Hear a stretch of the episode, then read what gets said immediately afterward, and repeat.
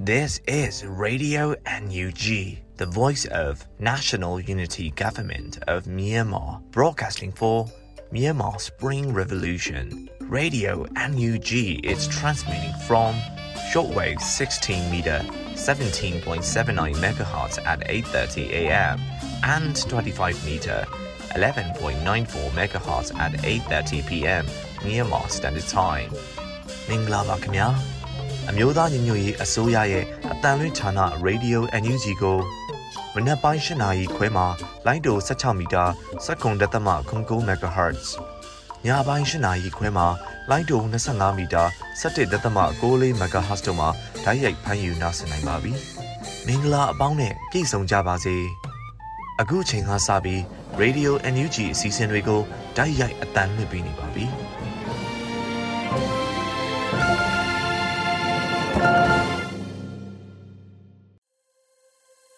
မြန်မာနိုင်ငံသူနိုင်ငံသားအပေါင်းတဘာဝပြီးဆရာနာရှင်ဗီဒီယိုကနေကင်းဝေးပြီးကိုစိတ်နှပါဘေးကင်းလုံခြုံကြပါစေလို့ရေဒီယိုညူချီဖွယ်သားများကဆုတောင်းမြတ်တာပို့သလိုက်ရပါတယ်။အခုချိန်ကစပြီးကာကွယ်ရေးဝန်ကြီးဌာနရဲ့စီရေးသတင်းချင်းချုပ်ကိုတော့ Sortes လူမျိုးမှဖတ်ကြားတင်ပြပေးပါတော့မရှင်။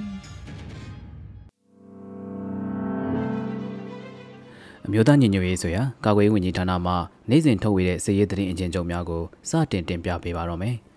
တရင်များရာရန်သူတပ်သား9ဦးသေဆုံးပြီး12ဦးထိခိုက်ဒဏ်ရာရရှိခဲ့ကြောင်းတရင်ရရှိပါရခင်ဗျာစစ်ကောင်စီနဲ့တိုက်ပွဲဖြစ်ပွားမှုများမှာချင်းပြည်နယ်တွင်မတ်လ10ရက်နေ့ကမတူပီမြို့နယ်လိုင်လန်းပီမြို့မှာထေးပွေစကန်သို့အင်အားဖြည့်လာသည့်ရန်သူစစ်ကြောင်းကိုပလဝမြို့နယ်ကိန်ကန်ကုန်းကျေးရွာနှင့်စကီဟာကျေးရွာကြားဘာမီချောင်းလန်ခုလက်တနေရာတွင် CDF ပလဝကကြားဖြတ်တိုက်ခိုက်ခဲ့ရာ တနအီခွဲကြာတိုက်ပွဲဖြစ်ပွားခဲ့ပြီးရန်သူတပ်သား9ဦးသေဆုံး၍12ဦးပြင်းထန်စွာထိခိုက်ဒဏ်ရာရရှိကာ CDF ပလက်ဝဘက်မှအထိခိုက်ကြဆုံးမရှိပြန်လည်ဆုတ်ခွာနိုင်ခဲ့ကြောင်းသတင်းရရှိပါရခင်ဗျာမွန်ပြည်နယ်တွင်မတ်လ10ရက်နေ့ကရေးမြို့နယ်နှင့်တနင်္သာရီတိုင်းကိုဆက်သွယ်ထားသည့်လုံခြုံရေးတင်းကျပ်ထားသည့်ရေးတရာကြီးခိတ်ရှိကရုတ်ချင်းများကိုရေးဘလူးနှင့်အဖွဲ့ကဒရုန်းဖြင့်ဘုံတလုံးချတိုက်ခိုက်ခဲ့ကြောင်းသတင်းရရှိပါရခင်ဗျာ မကွေးတိုင်းတွင်မတ်လ9ရက်နေ့မနက်6နာရီမှမနက်10နာရီ25မိနစ်ခန့်ထိမြိုင်မြို့နယ် Well to ရေနံမြေအခြေပြုရန်သူတပ်စခန်းကိုပြည်သူ့ကာကွယ်ရေးတပ်မတော်ရင်းမာပင်ခရိုင်တပ်ရင်းအမှတ်7ပခုတ်ကူခရိုင်တပ်ရင်းအမှတ်15ပခုတ်ကူခရိုင်တပ်ရင်းအမှတ်73ဇာမနီပြောက်ကြားတပ်ဖွဲ့ MUGF PDF ပခုတ်ကူ Special Task Force Yan Force UG ပခုတ်ကူပခုတ်ကူ People Defense Force တူရိန်တပ်ခွဲ Defense Team ပခုတ်ကူမြို့ပြပြောက်ကြားတပ်ခွဲ1 ပခုတ်ကူ MRG မြေလက်ဒေသပြောက်ကြားတပ်ဖွဲ့ King Fighter အောင်တပြေပြောက်ကြားတပ်ဖွဲ့ Phoenix Ranger မြိုင်တမမြေမြိုင် MVB လက်နက်ကြီးတပ်ဖွဲ့ JRD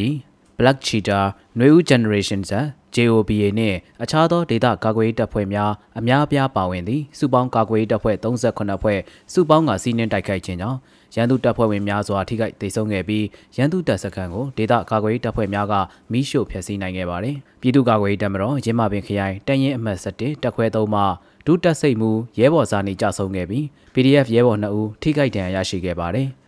တိုက်ပွဲဖြစ်စဉ်ပြီးလျင်ပြီးချင်း9မိနစ်ခန့်အကြာတွင်မုံရွာနမခမှပြန်တက်လာသော MI35 တိုက်ခိုက်ရေးရဟတ်ယာဉ်တစ်စီးကတိုက်ပွဲဖြစ်ရာနေရာသို့လေကြောင်းပစ်ကူပေးကအကြမ်းဖက်တိုက်ခိုက်ခဲ့သောကြောင့်ဒေသကာကွယ်ရေးတပ်ဖွဲ့ဝင်များပြန်လည်ဆုတ်ခွာခဲ့ရပါသည်မတ်လ9ရက်နေ့မနက်10:40မိနစ်ခန့်အထိအဆိုပါတိုက်ခိုက်ရေးရဟတ်ယာဉ် MI35 တစီးကတိုက်ပွဲဖြစ်ပွားခြင်းမရှိသောပေါ့မြို့နယ်မြောက်ပိုင်း ထမ်းပေါက်ကုန်းရွာနေထိဇက်တိုက်အကြမ်းဖက်ပစ်ခတ်တိုက်ခိုက်ခဲ့သောကြောင့်ဒေသခံပြည်သူတအုပ်ထိမှန်ဒဏ်ရာရရှိခဲ့ပြီးပြည်သူပိုင်းနေအိမ်များမီးလောင်ဆုံးရှုံးရနိုင်ကြောင်းသတင်းရရှိပါရခင်ဗျာပဲခူးတိုင်းတွင်မတ်လ9ရက်နေ့မနက်2:15မိနစ်ခန့်ကအုပ်ဖို့မြို့နယ်ထမ်းမင်ကုန်းကျေးရွာရှိစီရီယန်တူနာပြုဆရာမမတ်မေဇွန်မိုးကိုမရင်းကျင့်တပ်ဖြတ်ရာတွင်ပါဝင်ခဲ့သည့်ပြူစောတိခေါင်းဆောင်မျိုးဝင်းနေအိမ်တွင်တပ်ဆွဲထားကြသည့်ရန်သူတပ်သားများကိုပြည်သူ့ကာကွယ်ရေးတပ်မတော်တာယာဝတီခရိုင်တရင် 383ညနှင့်တက်ခွဲ4နှင့်တက်ခွဲ9ရဲဘော်များက40မမလက်လုံလက်နက်ကြီးများဖြင့်တွားရောက်တိုက်ခိုက်ခဲ့ရာနေအိမ်အတွင်းငါးလုံးကြောက်ရောက်ပောက်ကွဲခဲ့ပြီးအပြန်အလှန်ပစ်ခတ်မှုဖြစ်ပွားခဲ့ပါသည်ပြည်သူ့ကာကွယ်ရေးရဲဘော်များဘေးကင်းစွာဆုတ်ခွာနိုင်ခဲ့ပြီးရန်သူဘက်မှထိခိုက်ဒေဆုံးမှုကိုစုံစမ်းနေဆဲဖြစ်ကြောင်းတင်ပြရရှိပါရခင်ဗျာတနင်္သာရီတိုင်းတွင် မတ်လ10ရက်နေ့မနက်10:30မိနစ်ခန့်ကတဝယ်မြို့နယ်တော်လှန်ရေးတပ်ဖွဲ့များကလောင်းလုံးခလာရ104တပ်ရင်းတို့ဦးဒီကလက်လုံလက်နက်ကြီး9လုံးဖြင့်ပစ်ခတ်ခဲ့ရာတပ်ရင်းထဲသို့လက်နက်ကြီး3လုံးကြားရောက်ပြီးတလုံးပေါက်ကွဲခဲ့ကြောင်းတင်ပြရရှိပါရခင်ဗျာအေယာဝတီတိုင်းတွင်မတ်လ10ရက်နေ့နေ့လယ်ပိုင်းတွင်အင်ကပူမြို့နယ်မဲစလီကုန်းအာထကာတွင်လုံခြုံရေးယူပြီးပြန်ထွက်လာသည့်ရဲငါဦးနှင့်ပြူစောထီတအူတို့ကိုစွန်ရဲနီနွေဦးတော်လှန်ရေးအောင်ဆန်းတန်ရင်နှင့်အင်ကပူပခါဖားတို့ပူးပေါင်း၍မိုင်းဆွဲတိုက်ခိုက်ခဲ့ရာ ရဲရဲနှင့်ပြူစောတိတိတ်ဆုံးဒဏ်ရာရရှိမှုကိုမသိရှိရသေးပဲပြည်သူ့ကာကွယ်ရေးတပ်ဖွဲ့များအားလုံးထိခိုက်ဒဏ်ရာရရှိမှုမရှိပဲအောင်မြင်စွာဆုတ်ခွာနိုင်ခဲ့ကြောင်းတင်ရရှိပါရခင်ဗျာစစ်ကောင်စီကျူးလွန်သောရာဇဝတ်မှုများမှာကချင်ပြည်နယ်တွင်မတ်လ10ရက်နေ့ကဖားကန့်မြို့နယ်ကြောက်စိမ့်လောက်ကွက်များသို့ရန်သူတပ်သားများကအင်အားအလုံးရင်ဖြင့်ဝင်ရောက်ခဲ့ပြီးရေမဆေးကြောက်ရှာဖွေနေသည့်အရွယ်ကောင်းမျိုးသားများကိုအ धिक ထားဖမ်းဆီးခဲ့ကဖမ်းဆီးခံရသူများကိုရိုက်နှက်၍ခြေနှင့်လက်များကျိုးဖြင့်ချီက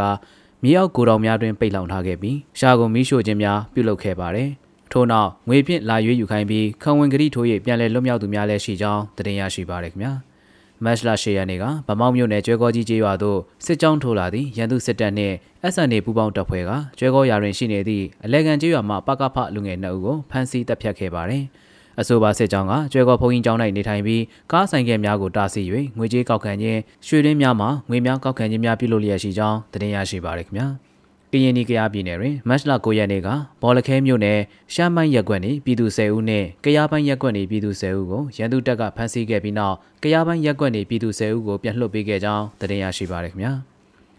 မွန်ပြည်နယ်တွင်မတ်လ10ရက်နေ့မနက်9:30မိနစ်ခန့်ကတထုံမြို့နယ်ခလာရ24မှာလက်နက်ကြီးများဖြင့်ပစ်ခတ်ရာကျုံပိန်ကျေးရွာအတွင်းသို့လက်နက်ကြီးကြီးကြားရောက်ပြီးကလေး2ဦးသေဆုံးက2ဦးထိခိုက်ဒဏ်ရာရရှိခဲ့ပါသည်။တေဆုံးသူများမှာအသက်9နှစ်အရွယ်မတ်ဝင်းဝင်းရီနဲ့အသက်73နှစ်အရွယ်မောင်ထိပ်ပြောင်တို့ဖြစ်ပြီးအသက်50နှစ်ဒေါ်မနူးဖိုးမှာဦးကောင်းညာဘက်ပေါက်ပြဲဒဏ်ရာရရှိခဲ့ပြီးအသက်9နှစ်အရွယ်စော့နော့ဒါမှုမှာညာဘက်လက်ဖြန့်ကျိုးဒဏ်ရာရရှိခဲ့ကြောင်းတင်ရရှိပါရခင်ဗျာ။ မကွေးတိုင်းတွင်မတ်လ9ရက်နေ့မနက်9:15မိနစ်ခန့်ကပေါက်မြို့နယ်တောင်ပိုင်းအုံတော်မြောက်ရွာအနောက်ပိုင်းမှာပြည်သူနေအိမ်များကိုရန်သူတပ်နှင့်ပြူစောတိပူးပေါင်းအင်အားတရာခန့်ဝင်ရောက်ခဲ့ပြီးအကြမ်းဖက်မိရှို့ခဲ့သောကြောင့်ပြည်သူပိုင်းနေအိမ်များမီးလောင်ပြကြခဲ့ပါသည်စစ်ကြောင်းဝင်ရောက်လာရာလမ်းတစ်လျှောက်မှာစစ်တပ်နက်များဇက်တိုက်ပစ်ဖောက်သွားခဲ့ကြောင်းသိရရှိပါရခင်ဗျာ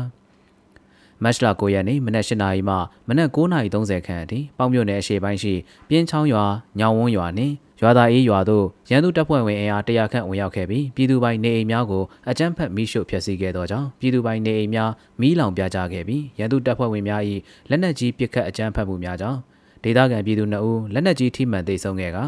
ပြည်သူ9ဦးပြင်းထန်စွာထိခိုက်ဒဏ်ရာရရှိခဲ့ပြီးစစ်ဘေးရှောင်ပြည်သူ9000ကျော်ရှိခဲ့ကြောင်းသိရရှိပါရခင်ဗျာ။မတ်လ9ရက်နေ့မနက်9:30ခန့်မှမနက်10:00ခန့်အထိပခုတ်ကူမြို့နယ်မှထွက်ခွာလာသောရန်သူတပ်ဖွဲ့ဝင်အင်အား80ခန့်လိုက်ပါလာသည့် ရွှေပြည်မင်းနှင့်တော်ဝင် Express ကားကြီးနှစ်စီးကကန်တော်ရွာနေထိကားဖြင့်ဝင်ရောက်ခဲ့ပြီးကန်တော်ရွာမှအနောက်တက်တဲ့ကမ္မလမ်းမိုင်းပေါ်သို့ခြေလျင်စစ်ကြောင်းဖြင့်ဝင်ရောက်ကာလမ်းမိုင်းပေါ်ရှိဒေသခံပြည်သူများ၏ယာတဲများကိုအကြမ်းဖက်မိရှုဖျက်ဆီးခဲ့ကြောင်းသိရရှိပါရခင်ဗျာ။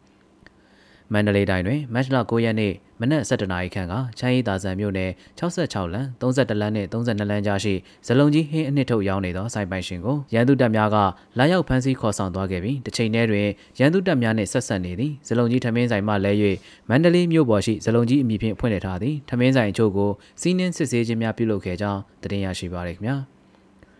ပဲခူးတိုင်းတွင်မတ်လ10ရက်နေ့မနက်9:35မိနစ်ခန့်ကညောင်လေးပင်မြို့နယ်ပဇွန်မြောင်ကျေးရွာစစ်တောင်းမြစ်အနောက်ဘက်ကမ်းသို့မတ်လ9ရက်နေ့ညနေပိုင်းချိန်ကအင်အားတိုးထားခဲ့သောရန်သူအင်အား200ခန့်ကညောင်မင်းကြီးကျေးရွာစစ်တောင်းမြစ်အရှေ့ဘက်ကမ်းကိုလက်နက်ကြီး၅လုံးဖြင့်ရန်တမ်းပစ်ခတ်ခဲ့ခြင်းကြောင့်တန်ဃာတော်တစ်ပါးပြန်လွန်တော်မူခဲ့ပြီးလူနေအိမ်၅လုံးမီးလောင်ပျက်စီးခဲ့ပါတယ်။ ရန်သူတပ်သားများကလက်နက်ကြီးများဖြင့်ပစ်ခတ်သဖြင့်ထွက်ပြေးကြရသောညောင်မင်းကြီးကျေးရွာထိပ်ရှိဈေးဆိုင်ကမ်းများနှင့်ပြည်သူများ၏ဆိုင်ကယ်များကိုမိရှို့ဖျက်ဆီးခဲ့ပြီးလူမရှိသည့်နေအိမ်များကိုရိုက်ဖွင့်၍ပစ္စည်းများကိုခိုးယူသွားခဲ့ပါသည်လက်နက်ကြီးရန်တမ်းပစ်ခတ်မှုကြောင့်တိုက်တူကုန်းကျေးရွာနေပြည်သူ2ဦးဝိုင်းကျေးရွာနေပြည်သူ2ဦးကွင်းတလကျေးရွာနေပြည်သူ2ဦးစုစုပေါင်း4ဦးထိခိုက်ဒဏ်ရာရရှိခဲ့ပြီးညောင်မင်းကြီးကျေးရွာမှပြည်သူ1600နီးပါးစစ်ဘေးရှောင်နေကြရကြောင်းတင်ရရှိပါရခင်ဗျာ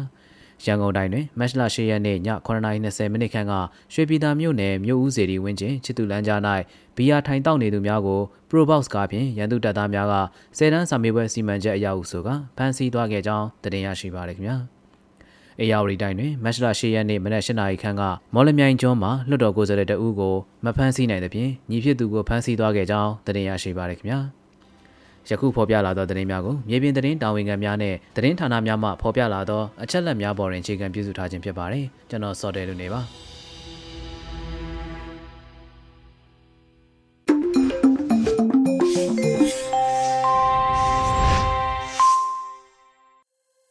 ရေဒီယိုညူးချီမှာဆက်လက်တင်ပြနေပါတယ်။အခုဆက်လက်ပြီးနားဆင်ကြရမှာကတော့နောက်ဆုံးရသတင်းများဖြစ်ပါတယ်။မျိုးဦးလီပြေကဖတ်ကြားတင်ပြပေးပါတော့မယ်ရှင်။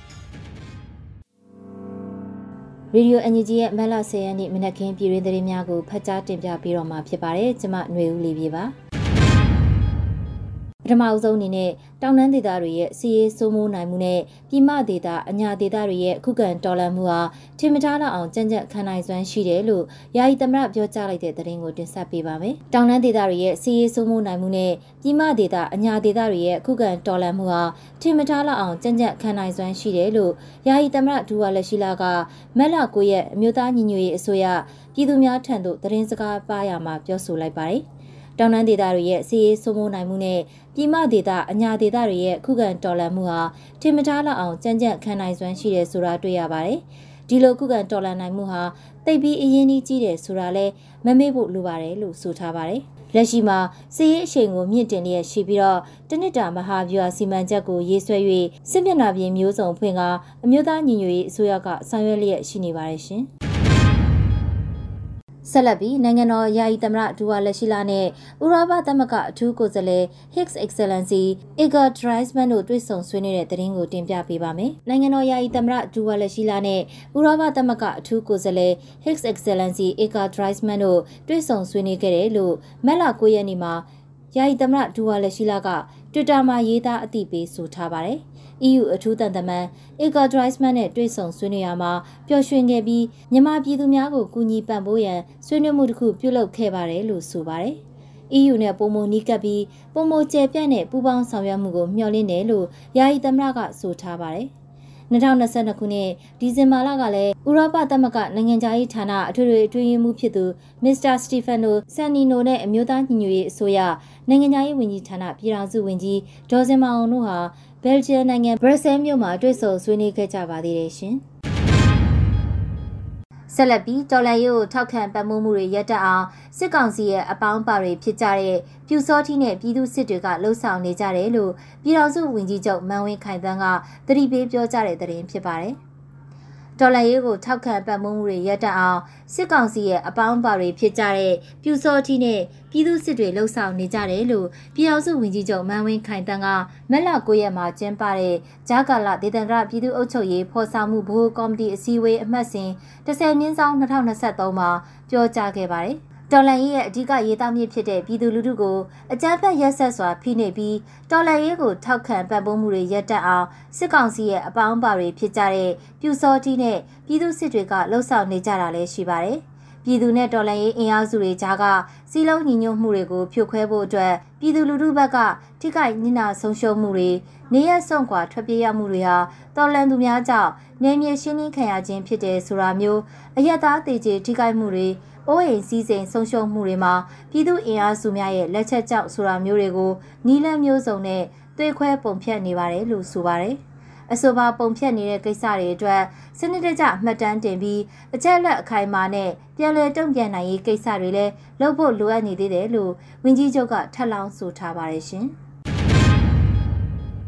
ပြည်ထောင်စုနဲ့လူဝင်မှုကြီးကြပ်ရေးဝန်ကြီးဌာနနဲ့ခရိုင်ပြည်သူ့အုပ်ချုပ်ရေးအဖွဲ့များတွဲဆုံဆွေးနွေးတဲ့သတင်းကိုတင်ပြပေးပါမယ်။ ပြည်ထောင်ရေးနဲ့လူဝင်မှုကြီးကြပ်ရေးဝန်ကြီးဌာနနဲ့ခရိုင်ပြည်သူ့အုပ်ချုပ်ရေးအဖွဲ့များတွေ့ဆုံဆွေးနွေးခဲ့ပါတယ်။မက်လ9ရက်မှာပြည်ထောင်ရေးနဲ့လူဝင်မှုကြီးကြပ်ရေးဝန်ကြီးဌာနနဲ့ခရိုင်ပြည်သူ့အုပ်ချုပ်ရေးအဖွဲ့များတွေ့ဆုံဆွေးနွေးမှုအစည်းအဝေး30မြင်းဆောင်2023ကိုကျင်းပခဲ့ပါတယ်။အစည်းအဝေးမှာ ပြည်ထောင်ရေးနဲ့လူဝင်မှုကြီးကြပ်ရေးဝန်ကြီးဌာနအတွင်းဝင်မှအဖွဲ့မှစကားပြောကြားခဲ့ပါတယ်။ဆက်လက်ပြီးပြည်သူ့အုပ်ချုပ်ရေးဦးစီးဌာနတာဝန်ရှိသူမှလုပ်ငန်းဆောင်ရွက်ချက်များနဲ့ပတ်သက်၍လိုအပ်သည့်များကိုဆွေးနွေးပြောကြားခဲ့ပြီးတက်ရောက်လာကြတဲ့ခရိုင်ပြည်သူ့အုပ်ချုပ်ရေးအဖွဲ့များမှမြေပြင်လိုအပ်ချက်များအခက်အခဲများကိုမေးမြန်းဆွေးနွေးကြရမှာဝန်ကြီးဌာနကတာဝန်ရှိသူများမှပြန်လည်ဖြေကြားခဲ့ပါတယ်။အစည်းအဝေးကိုပြည်သူ့အုပ်ချုပ်ရေးဦးစီးဌာနပြည်သူ့ရဲတပ်ဖွဲ့မိသက်ဦးစီးဌာန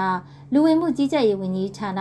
အထူးစုံစမ်းထောက်လှမ်းရေးဦးစီးဌာနတို့မှတာဝန်ရှိသူများနဲ့ခရိုင်ပြည်သူ့အုပ်ချုပ်ရေးအဖွဲ့များတက်ရောက်ခဲ့ကြပါတယ်ရှင်။ဆက်လက်ပြီးပြည်သူများအနေနဲ့စစ်အာဏာရှင်ရဲ့အုပ်ချုပ်မှုကိုလုံးဝဆန့်ကျင်ကြောင်းကုလမှာတာမတ်ကြီးဦးကျော်မိုးထွန်းပြောကြားတဲ့သတင်းကိုလည်းတင်ပြပေးပါမယ်။ ပြည်သူများအနေနဲ့ဆီယနာရှင်ရဲ့အုပ်ချုပ်မှုကိုလုံးဝဆန့်ကျင်ကြောင်းကုလသမဂ္ဂမှတာမတ်ကြီးဦးကျော်မိုးထွန်းကပြောကြားလိုက်ပါတယ်။နယူးယောက်မြို့အခြေစိုက်ကုလသမဂ္ဂဌာနချုပ်ရှိလုံခြုံရေးကောင်စီမှာရင်းကောင်စီရဲ့ဆုံးဖြတ်ချက်အဆို1325အားအတည်ပြုချမှတ်မှု25နှစ်တင်းတင်းပြည့်မြောက်တဲ့နှစ်ပတ်လည်အထိမ်းအမှတ်ဆွေးနွေးပြောကြားရမှာတာမတ်ကြီးကဆိုပါတယ်။ ပြည်သူများအနေနဲ့ဆရာနာရှင်ရဲ့အုပ်ချုပ်မှုကိုလုံးဝဆန့်ကျင်ကြောင်း၎င်းတို့အနေနဲ့စစ်တပ်ရဲ့လက်အောက်မှာနေထိုင်ပါကအခြေခံလူအခွင့်အရေးများကိုချိုးဖောက်ခံရမည်ဟုကောင်းမွန်စွာသိရှိနားလည်ကြောင်းတို့ဖြစ်ရာ၎င်းတို့ရဲ့အသက်အိုးအိမ်များကိုကယ်တင်နိုင်ရန်အတွက်နိုင်ငံတကာအတိုင်းဝန်ထံမှထိရောက်တဲ့အရေးယူဆောင်ရွက်ချက်များကိုတောင်းဆိုခဲ့ပြီးဖြစ်ကြောင်းသို့သောမြန်မာပြည်သူများရဲ့တောင်းဆိုမှုမှာယနေ့တိုင်ရရှိခြင်းမရှိသေးကြောင်းဆိုပါတယ်။ ထို့ကြောင့်ပြည်သူ့ခုခံတော်လှန်စစ်မှာအမျိုးသမီးများနဲ့မိန်းကလေးများကရှေ့တန်းမှပါဝင်လျက်ရှိပြီးအရေးပါသောနေရာများမှပါဝင်ဆောင်ရွက်လျက်ရှိကြောင်းလည်းတန်မတ်ကြီးကထပ်မံဆိုထားပါတယ်ရှင်။ဆက်လက်ပြီးမန္တလေးမြို့မှာဇလုံကြီးဟင်းအနစ်ရောင်းချတဲ့ဆိုင်ကိုစစ်ကောင်စီတပ်များဝင်ရောက်ပြီးပိုင်ရှင်ဆိုသူကိုဖမ်းဆီးသွားတဲ့တဲ့ရင်ကိုလည်းတင်ပြပေးပါမယ်။ မန္တလေးမြို့မှာဇလုံကြီးဟင်းအနစ်ရောင်းချတဲ့ဆိုင်ကိုစစ်ကောင်စီတပ်များကဝင်ရောက်၍ပိုင်ရှင်ဆိုသူကိုဖမ်းဆီးသွားတယ်လို့သတင်းရရှိပါတယ်။မက်လ9ရက်နေ့မနက်ပိုင်းမှာစစ်တပ်ကလာရောက်ဖမ်းခေါ်သွားတယ်လို့သိရပါတယ်။ဇလုံကြီးဟင်းနှစ်ထုတ်ရောင်းချတဲ့မန္တလေးမြို့66လမ်း32လမ်းနဲ့32လမ်းကြားကရွှေကနန်းစားတောက်ဆိုင်မှာရွှေကနန်းစားတောက်ဆိုင်ပိုင်ရှင်ကိုဖမ်းဆီးသွားတာလို့မြို့ကန်တွေကဆိုပါတယ်။လက်တလုံးမှာရန်ကုန်မှာလည်း ဇလုံကြီးဟင်းအနှစ်ထုတ်ရောင်းချတဲ့နေရာတွေကိုရှာဖွေစစ်ဆေးမှုတွေရှိတယ်လို့သိရပါတယ်ရှင်။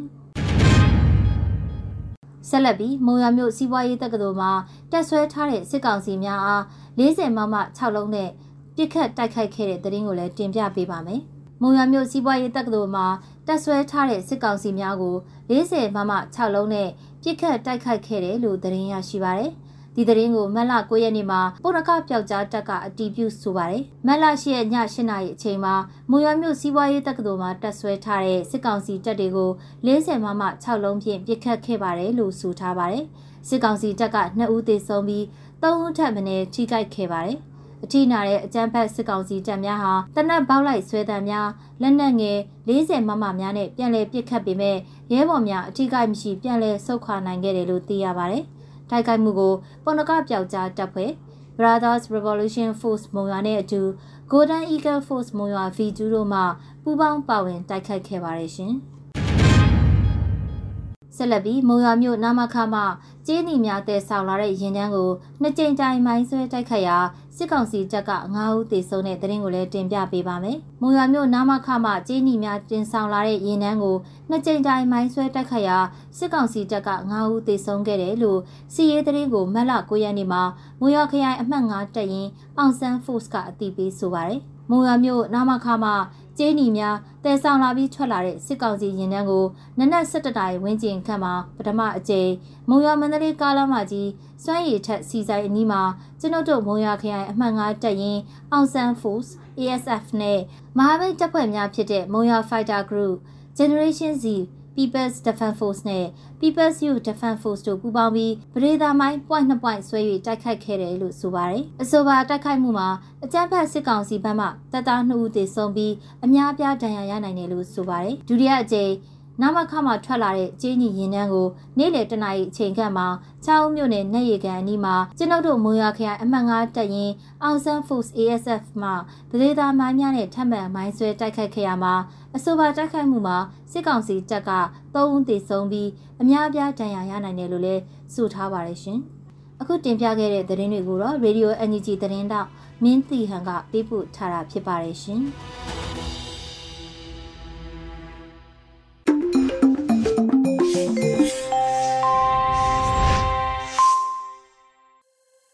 ရေဒီယိုညူးချီမှာဆက်လက်တမ်းလွှင့်ပေးနေပါတယ်ရှင်။အခုဆက်လက်ပြီး တော်လှန်ရေးတိဂီတာအစီအစဉ်မှာတော့ကိုစိုးနဲ့ကိုဖက်တို့တီဆိုထားပြီးတေးရီမောင်တင်တရဲ့အောင်လန်လွှင့်တို့ချီတက်ကြစုနော်လို့အမည်ရတဲ့တော်လှန်ရေးတိဂီတာကိုနားဆင်ကြရတော့မှာဖြစ်ပါတယ်ရှင်။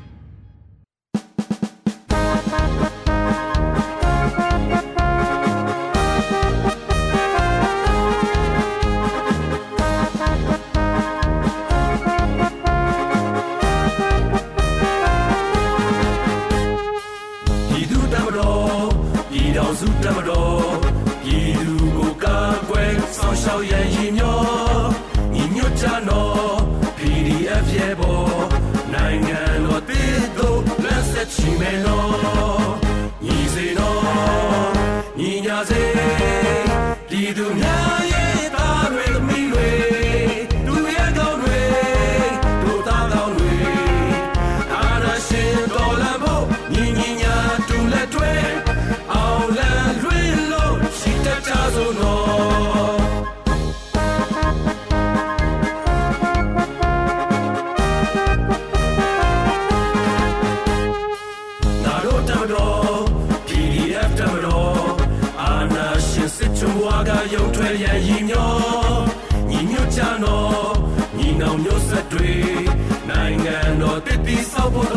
ဖို့တ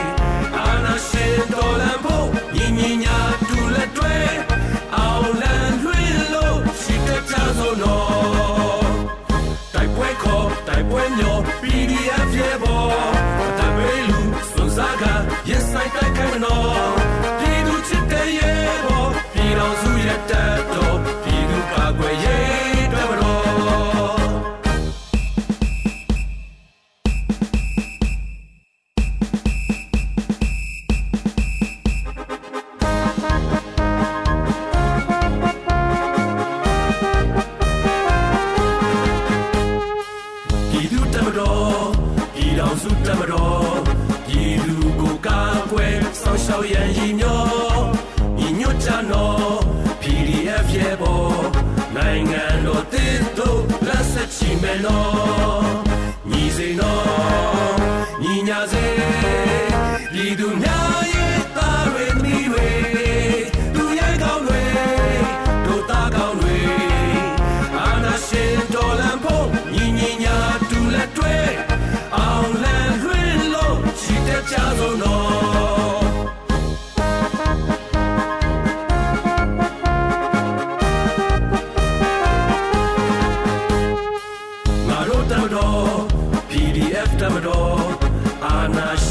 ရှင်စစ်ချုံဝါကရုံထွက်ရန်ရည်ညော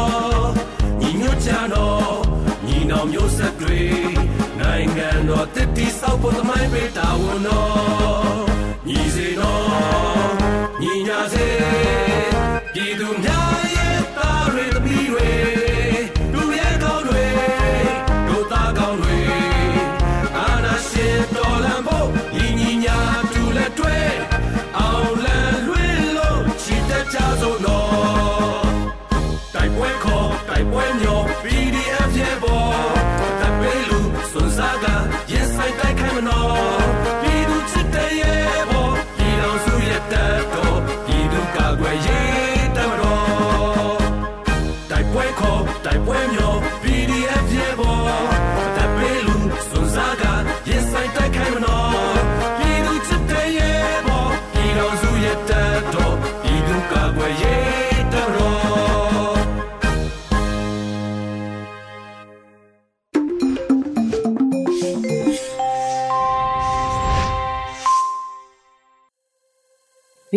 ပရိသတ်တွေအတွက်ကူးဆက်လက်ပြီးထုတ်လွှင့်ပေးမယ့်စီစဉ်ကတော့ပြည်သူခုခံစစ်တရင်များဖြစ်ပါတယ်။မျိုးဦးလင်းရင်ကဖတ်ကြားတင်ပြပေးပါမယ်ရှင်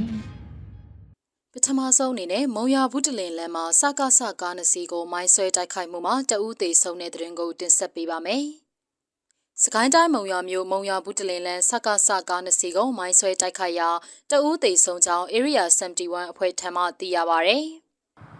မတ်လ9ရက်နေ့မွန်လယ်12:30မိနစ်မှာမုံရမြို့အနောက်မြောက်တိုင်းစစ်ဌာနချုပ်မှကြေးပြားများတင်ဆောင်လာတဲ့6ဘိန်းကား2စီးကို Area 71အဖွဲ့ကမိုင်းဆွဲတိုက်ခိုက်ခဲ့ပြီးရင်မောင်းတအူးသေဆုံးခဲ့ကြောင်းသိရတာပါ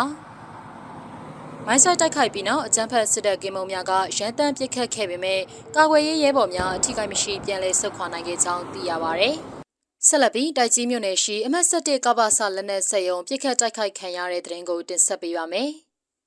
ရန်ကုန်တိုင်းတိုက်ကြီးမြို့နယ်အမတ်7ကပ္ပဆကာကွယ်ရေးပစ္စည်းထုတ်လုပ်ရေးဆက်ယုံလက်နက်ဆက်ယုံကိုရန်ကုန်တိုင်းပြည်သူ့တပ်မဟာကမနေ့ည8:30မိနစ်အချိန်မှာပြစ်ခတ်တိုက်ခိုက်ခဲ့ကြောင်းရန်ကုန်တိုင်းပြည်သူ့တပ်မဟာမှတာဝန်ရှိသူတဦးကဆိုပါရယ်။မတ်လ10ရက်နေ့ည8:30မိနစ်အချိန်ရန်ကုန်တိုင်းပြည်သူ့တပ်မဟာက Mission Impossible 2 Mission အဖြစ်အမတ်7ကပ္ပဆဆက်ယုံကိုတိုက်ခိုက်ခဲ့ကြောင်း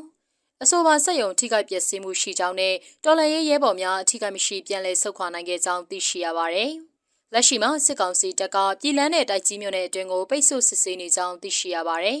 ။နောက်ဆုံးအနေနဲ့ပလောဝရင်တိုက်ပွဲများဖြစ်ပြီးစစ်တပ်ဗမာ9ဦးသေဆုံးတဲ့တဲ့ရင်ကိုတင်ဆက်ပေးပါမယ်။မနေ့ကမတ်လ10ရက်နေ့လိုင်းလန်းပီမြို့မှာမတူပီမြို့နယ်ထေဝိစခန်းကိုအင်အားဖြည့်တင်ရန်လာရောက်တဲ့စစ်တပ်စစ်ကြောင်းကို CDF ဖလဝါကဂျားဖြတ်တိုက်ခိုက်ခဲ့ကြောင်းမွန်လက်တနာရီမှမွန်လက်2နာရီခွဲအထိတိုက်ပွဲကြာမြင့်ခဲ့ကြောင်း စစ်တပ်ဘက်မှစစ်သား9ဦးသေဆုံးပြီး12ဦးအပြင်းထန်ဒဏ်ရာရရှိခဲ့ကြောင်းနဲ့ CDF ဖလောဝတပ်ဖွဲ့ဝင်များအထိကိမရှိပြန်လည်ဆုတ်ခွာနိုင်ခဲ့ကြောင်းသိရှိရပါတယ်ရှင်။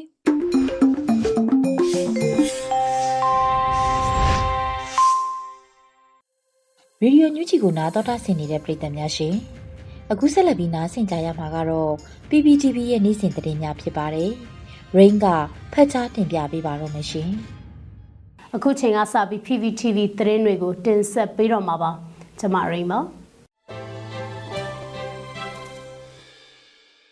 ပထမဆုံးတင်ဆက်မဲ့သတင်းကတော့တပ်ပေါင်းစုနဲ့အောင်ပွဲခံမယ်လို့ဆလင်းကြီးတပိတ်ဦးဆောင်ကော်မတီကိုချစ်မျိုးသားတပ်ဦးကတဝင်လွှာပေးပို့တဲ့သတင်းပေါ့တပ်ပေါင်းစုနဲ့အောင်ပွဲခံမယ်လို့ဆလင်းကြီးကျေးရွာပေါင်းစုံလူထုတပိတ်ဦးဆောင်ကော်မတီကိုချစ်မျိုးသားတပ်ဦးကတဝင်လွှာပေးပို့ခဲ့ကြောင်းသိရပါတယ်ဒီကနေ့မလ9ရက်နေ့ဟာရမပင်ဆလင်းကြီးကျေးရွာပေါင်းစုံလူထုတပိတ်ဦးဆောင်ကော်မတီဖွဲ့စည်းခြင်းနှစ်နှစ်ပြည့်တဲ့နေ့မှာချစ်မျိုးသားတပ်ဦးကတဝန်လွှာပေးပို့ခဲ့တာပါတပိတ်ကော်မတီအနေနဲ့လူထုတပိတ်တိုက်ပွဲနဲ့အတူလူထုရဲ့လူမှုပြဿနာတွေကိုဖြေရှင်းရင်စစ်အာဏာရှင်စနစ်ချုပ်ငြိမ်းရေးဖက်ဒရယ်ပြည်ထောင်စုပေါ်ထွန်းရေးဆိုတဲ့နိုင်ငံရေးရည်မှန်းချက်ရောက်ရှိနိုင်ရေးအတွက်ချက်မျိုးသားတပ်ဦးအပါအဝင်နှွေဦးတော်လှန်ရေးမိဖက်တွေအနေနဲ့အတူတိုက်ပွဲဝင်ရာတွင်တပ်ပေါင်းစုနဲ့အောင်ပွဲခံမည်ဆိုတဲ့တန်သိထန်နဲ့အဆုံးတိုင်တိုက်ပွဲဝင်နိုင်စေဖို့တဝန်လွှာရေးသားပေးပို့တာဖြစ်တယ်လို့ဆိုပါရယ်ဒီနှစ်နဲ့တာຫນွေဦးတော်လှန်ရေးကာလတလျှောက်တပိတ်ဦးဆောင်ကော်မတီရဲ့ လူထုတပိတ်လှုပ်ရှားမှု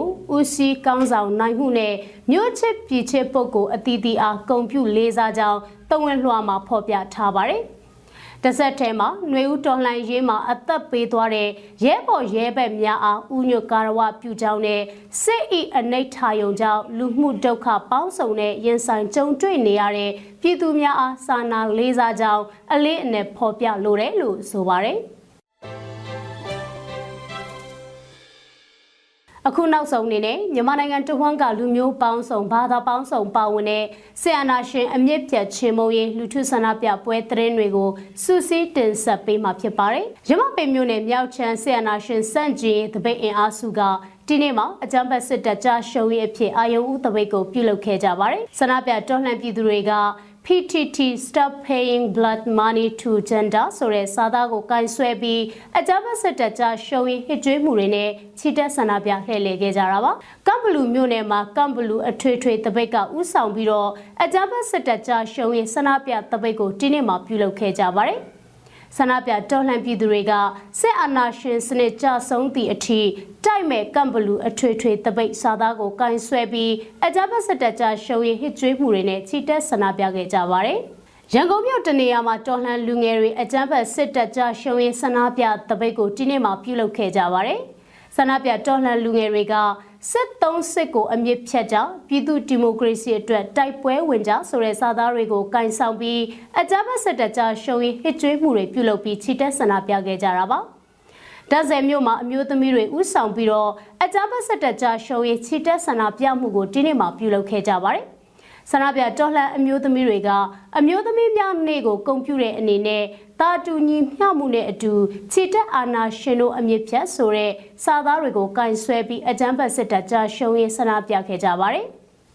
ဆန္ဒပြတော်လှန်ပြည်သူတွေဟာနေမြေမငြိမ်သက်မှုတွေကြားတွေကနေအကြံပတ်စစ်တပ်ကြားရှုံရင်ဆန္ဒပြတပိတ်ကိုနေ့စဉ်ပြုလုပ်နေကြတာပဲဖြစ်ပါတယ်။ဒီကနေ့ကတော့ဒီညနေပဲ Radio NUG ရဲ့အစည်းအဝေးတွေကိုခਿੱတရရနိုင်ပါမယ်။ မြန်မာစံတော်ချိန်မနက်၈နာရီခွဲနဲ့ည၈နာရီခွဲအချိန်တွေမှာပြန်လည်ဆုံးဖြတ်ကြပါစို့ Radio NUG ကိုမနက်ပိုင်း၈နာရီခွဲမှာလိုင်းဒို16မီတာစက္ကန့်တသမ9 MHz ညပိုင်း၈နာရီခွဲမှာလိုင်းဒို25မီတာ17သမ6 MHz တို့မှာဓာတ်ရိုက်ဖမ်းယူနားဆင်နိုင်ပါပြီမြန်မာနိုင်ငံသူနိုင်ငံသားများကိုစိတ်နှပြကျမ်းမာချမ်းသာလို့ဘေးကင်းလုံခြုံကြပါစေလို့ Radio NUG အဖွဲ့သူအဖွဲ့သားများကဆုတောင်းလိုက်ရပါတယ်။အမျိုးသားညီညွတ်ရေးအစိုးရရဲ့စက်သွေးရေးတရင်အချက်အလက်နဲ့ဤပညာဝန်ကြီးဌာနကထုတ်လွှင့်နေတဲ့ Radio NUG ဖြစ်ပါတယ်။ San Francisco Bay Area အခြေစိုက်မြန်မာမိသားစုများနဲ့နိုင်ငံတကာကစေတနာရှင်များလှုပ်အားပေးများရဲ့ Radio NUG ဖြစ်ပါတယ်